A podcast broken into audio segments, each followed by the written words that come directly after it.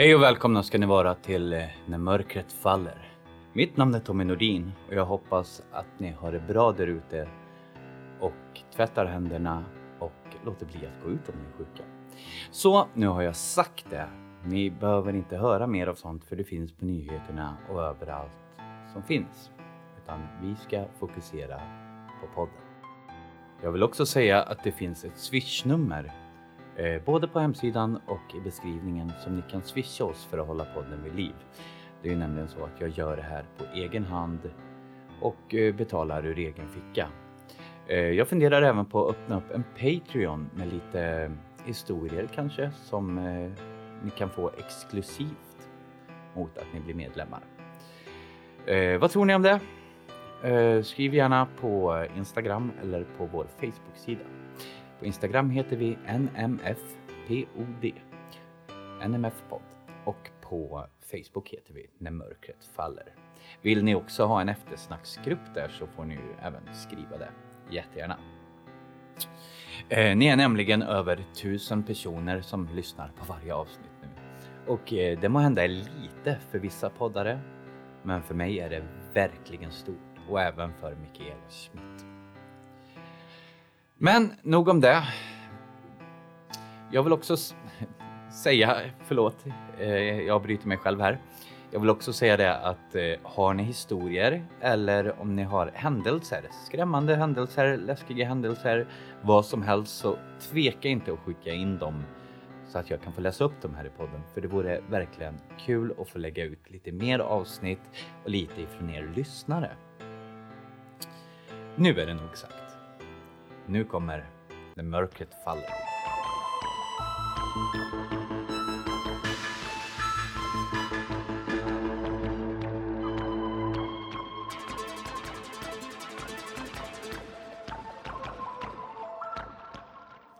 Avrättningsplatser av Mikaela Schmidt uppläst av Tommy Nordin. Det är inte så jättelänge sedan som dödsstraff avskaffades i Sverige. 1921. Det betyder att det fortfarande finns människor i livet som föddes medan vi fortfarande hade dödsstraff. Så pass nära i tiden är det. Det känns som att det var länge sedan vi avskaffade bödlar, galgbackar och stupstockar, men det är det faktiskt inte. Man kunde dömas till döden för över 70 olika brott, en del av dem inte ens särskilt allvarliga med dagens mått mätt. Tänk er det. Vi har alla fått lära oss att avrättningar var offentliga, men i själva verket var det värre än så. Man var helt enkelt tvungen att närvara, sådan var lagen. Lagen föreskrev också att om man hade barn under 12 år i hushållet var man tvungen att stå längst fram med dem så att de tydligt kunde se vad som hände om man trotsade lagen. Tänk er det. Tänk er in i att tvingas se något så fruktansvärt. Hur den dödsdömde släpades till platsen, kanske skrikande och gråtande, skräckslagen och bedyrande sin oskuld eller bönande om att få behålla livhanken. Oväsen och brutalitet. De uppspärrade ögonen på den dömde. Motviljan mot att komma på plats. Hur det stank av blod, svett och tårar, av skräck och ånger. Ljuden. Plötslig tystnad. Och allt detta måste du se. Och dina barn måste se. Man kanske kan tänka att den dömde i viss mån får skylla sig själv, men betänk då att även hans eller hennes anhöriga måste se på. Det är svårt att tänka sig att detta hände för inte så länge sedan och dessutom här i Sverige. Men det gjorde det. Dessutom skulle avrättningarna ske på den plats där brottet begåtts. Avrättningsplatserna skulle vara lättillgängliga så att alla kunde ta sig dit. På ett torg, utefter en större väg eller uppe på en höjd så att alla kunde se. Efteråt begravdes de döda i bästa fall i jorden runt omkring avrättningsplatsen helt utan markeringar. Om det inte hängdes upp till allmän varning och blev hängande där tills de föll ner av sig själva och blev bortsläpade av vilda djur. Tänk er in i det. Vilken fruktansvärd händelse bara en enda avrättning var. Och det var ju så fasansfullt många. Det här är inte rätt tillfälle att ta ställning för eller mot dödsstraff. Men man kan ju tycka att offentliga avrättningar som man är tvungen att bevittna drabbar långt fler än bara den skyldige brottslingen. Det var inte alls ett ovanligt straff och avrättningsplatserna var många eftersom det skulle finnas en i varje socken. Det är sådant man inte tänker på till vardags. Inte heller tänker man särskilt ofta på vad följden av denna del av vår historia blir. Nämligen att det överallt i landet finns gamla avrättningsplatser. En del är utmärkta på kartan, andra inte. En del är minnesmärken och har små skyltar efter vägkanten, andra inte. En del är säkert bortglömda och andra ligger dolda, tystade av tidens gång och moderna behov. Kanske flyttades i all tysthet en stor mängd ben när det göt grunden till huset du bor i eller asfalterade parkeringen utanför Ica Kanske är den där lilla kullen full av ben och minnen. Kanske är den där konstiga formationen i dungen det enda som numera finns kvar av en galge. Under sådana omständigheter är det inte konstigt om inte ens själva platsen får ro. Det som dömts och avrättas för vidriga och hemska brott blir inte plötsligt änglar för de är döda och det som dömts och avrättas för att det i nöd stulit bröd från bagaren upprepade gånger har nog svårt att finna ro i den orättvisan. Kanske är det inte heller så konstigt att det i hemlighet berättas historier om dessa platser när mörkret faller och skymningen lägger sig till rätta över stad och land. Historier om huvudlösa gestalter, den plötsliga lukten av blod och gälla skrik i natten. Jag är rätt säker på att de flesta hört en eller annan sådan historia. Precis som de flesta säkert hört ryktas om gamla avrättningsplatser någonstans i närheten av där ni bor. Folktron, som är det största biblioteket vi har i sådana här frågor, vet att berätta att om han söker upp en avrättningsplats nattetid och går tre varv motsols runt den så kan man få se återupprepningar av de händelser som utspelat sig där. Man kan också få se de dömda på väg till galgen eller stupstocken om man har mod till det. Skulle man förlora sitt mod ska man knacka tre gånger i trä så avbryts hela processen. Ni känner säkert igen det här med att gå runt tre varv motsols. Det är ofta förekommande i folktron och återfinns i flera andra sammanhang och jag vet inte varför. Det kanske bara är så. Men oss emellan sagt så undrar jag lika mycket som ni. Jag vet inte mer än någon annan om sådana saker. Nåväl. För en tid sedan kom jag att tala med min granne om vår lilla by och dess historia. En äldre man i 80-årsåldern, mager och märkt av hårt slit och många tunga år, men trevlig och pratsam även om man numera hör lite dåligt. De vet ofta mycket de äldre. De tycker om att prata och jag tycker om att lyssna. Därför hamnar jag ofta i långa samtal som detta. Det började med den nedlagda kiosken, fortsatte till en större strejk i bygden i slutet av 1800-talet, rörde sig vidare till en förklaring till varför spiran på kyrktornet sitter bakvänt. Det är resultatet av ett besök av djävulen själv, men det kan jag berätta om vid något annat tillfälle. Och slutligen kommer jag att tala om just den gamla avrättningsplatsen som en gång låg i vad som numera sedan länge är byns park. Byn är inte stor och följaktligen är parken ganska liten. Det finns heller inte spår av vad som en gång i tiden utspelade sig där. Inte ens ett minnesmärke. Men att avrättningsplatsen en gång låg där råder inga tvivel om. Det är dokumenterat. Den sista som avrättades där var Britta Olsson, sa nu min granne. Hon blev påkommen i sängen med sin dotters man och dömdes för blodskam och horeri till döden och skulle halshuggas och vid påle brännas. Mannen hon varit i lag med dömdes också till döden. Han blev halshuggen och steglad. Det var hårt på den tiden. En barnamörderska blev också avrättad där. Hennes sex små barnoffer ligger i samma grav uppe på kyrkogården och delar gravsten. Det kanske du har sett. Jag medgav att jag sett stenen och faktiskt också undrat över den. Den står alldeles intill kyrkväggen och tycks inte höra till någon grav, Men ändå finns sex namn där med datum och allt. Alla döda har samma datum men åldrarna varierar. Den yngsta var bara ett år. De hittade aldrig barnen, återtog min granne och besvarade frågan jag inte ens hunnit ställa. Det är därför stenen ser ut så där med datumen. Kanske försvann det inte samtidigt alla sex, men borta var det och kom aldrig tillbaka. Vilken sorglig historia, tänkte jag. Stackars barn. Spökar de? Frågade jag eftersom, ja, jag är som jag är. Grannfarbrorn såg forskande på mig några sekunder, nickade sedan och sa Tok heller, inte finns det några spöken inte. Jag envisades inte och en stund senare avslutade vi vårt samtal och var och en återgick till sitt.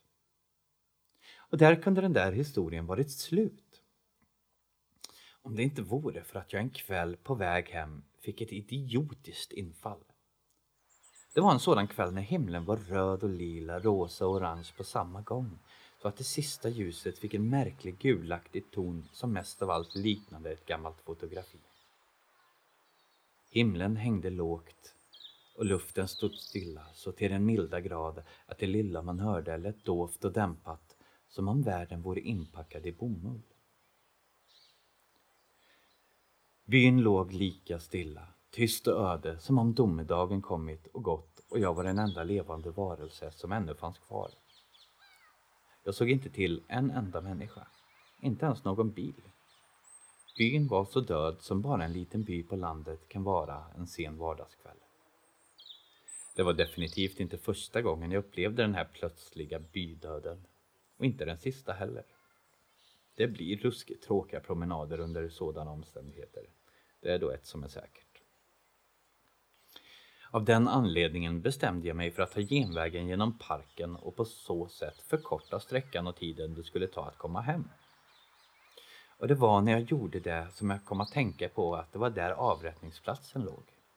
Någonstans under mina fötter fanns resterna av den. Kvarlevorna efter de dödsdömda och minnet av deras död. Då och då fick jag ett infall. Ensam på en gammal avrättningsplats där människor låg begravda i ovigd jord. Var inte det här ett helt fantastiskt tillfälle att prova om folktron talade sant? Innerst inne trodde jag kanske inte det, inte riktigt, så jag bestämde mig för att gå de där tre varven motsols för att se vad som hände.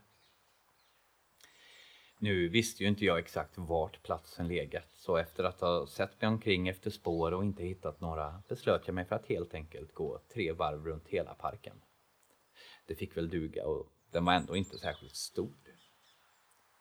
Medan jag traskade runt det första varvet började jag känna mig ganska fånig.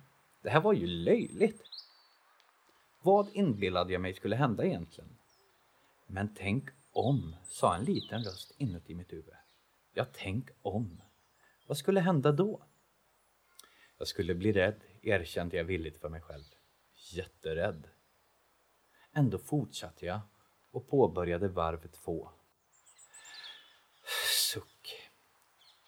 När jag började på tredje varvet funderade jag på att bara strunta i alltihop och gå hem och tänkte att det var tur att ingen såg mig där jag traskade på.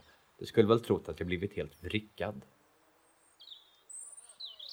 Jag stannade till en sekund, osäker på om jag skulle fortsätta eller inte. Precis i det ögonblicket hörde jag plötsligt springande fotsteg på grusvägen bakom mig och vände mig förvånat om. Men ingen var där. Jag hörde de springande fotstegen hur tydligt som helst. Det lät som en ganska lätt person med korta snabba steg, men ändå kunde jag inte se någon. Det hela tog säkert bara några sekunder, men det kändes som att jag stod där i en halv evighet, som fastfrusen medan stegen kom allt närmare. När det passerade mig kände jag vinddraget av den som rusade förbi och jag svär på att jag också hörde snabba, ansträngda andetag. Så dog ljudet långsamt ut och till slut var det tyst igen. En lång stund blev jag stående där halvvägs genom mitt tredje varv och jag, jag var skiträdd. Ursäkta språket, men det är faktiskt det enda rätta ordet för det. Hade det jag just upplevt något att göra med mitt försök att väcka den gamla avrättningsplatsen till liv? Och vem var det i så fall jag nu väckt? Skulle jag fortsätta och avsluta mitt tredje varv eller inte? Om jag gjorde det, skulle jag då få se saker eller var alltihop en slump eller något sorts akustiskt fenomen? Jag bestämde mig för det senare, men ändå var mina första steg framåt ganska tvekande. För tänk om, som sagt. Det var nästan helt mörkt nu och började bli lite svårt att se. Men plötsligt började kyrkklockorna att ringa. Jag hoppade till oförberedd som jag var och stannade upp igen. Varför ringde klockorna nu, så här dags? Ytterligare några knastrande steg på grusgången och den här gången hörde jag tydligt hur någon gick bakom mig. Bara en liten bit bakom. Någon som stannade när jag stannade men inte lyckades dölja ett och annat extra steg. Det var någon bakom mig. Jag vände på huvudet, men ingen syntes till den här gången heller. Plötsligt hördes det steg från alla håll och kanter, som har mängder av människor var i rörelse runt omkring mig, men utan att ge ett enda ljud ifrån sig utöver ljudet av deras trampande fötter. Jag kunde höra deras andetag, känna deras kroppslukt och vinddraget när de passerade förbi mig.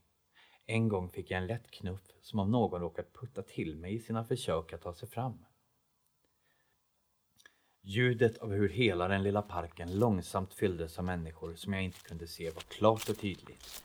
Det gick inte att ta miste på eller bortförklara hur jag än försökte. Hela atmosfären blev obehaglig. Det var någon sorts förväntan och iver i luften, trots att inte ett enda ord sades och inga ljud hördes annat än trampandet av många fötter. På något konstigt sätt kändes det som jag var inomhus trots att jag ju var ute. En jättekonstig känsla som är ganska svår att beskriva och som jag inte upplevt varken förr eller senare. Nu var det tyvärr slut, helt slut på mitt mod. Jag ville verkligen inte slutföra det sista varvet längre och mindes plötsligt med stor lättnad att det fanns en utväg.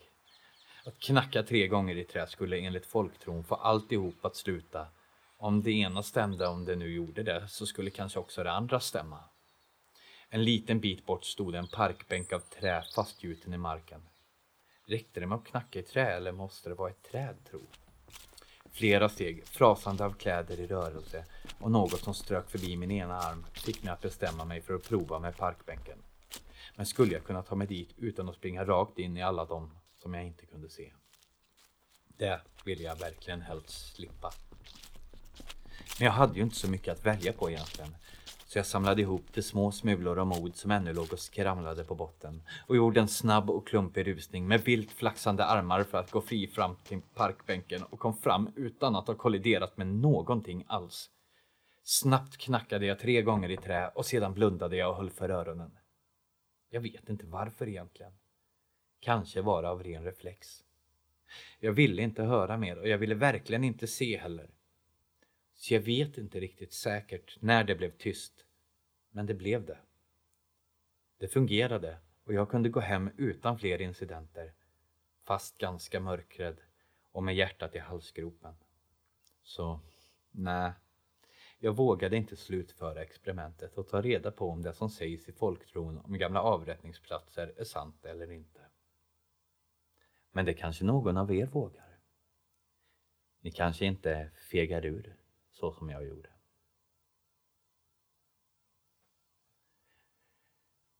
Ni har hört Avrättningsplatser av Mikaela Schmidt, uppläst av mig, Tommy Nordin. Det är ett passande ämne efter Hängdmans Helga och eh, jag hoppas verkligen att ni kan ta emot och kanske skicka en historia som ni har varit med om. Givetvis får ni vara anonyma. Skriv bara att ni vill vara anonyma så löser vi det. Eller så kan jag läsa upp ert namn om ni vill. Alla texter ni skickar till mig ägs av er. Jag vill bara kunna få läsa upp dem. Och med det så vill jag avsluta kvällens avsnitt av När mörkret faller och önska er en riktigt mörk natt.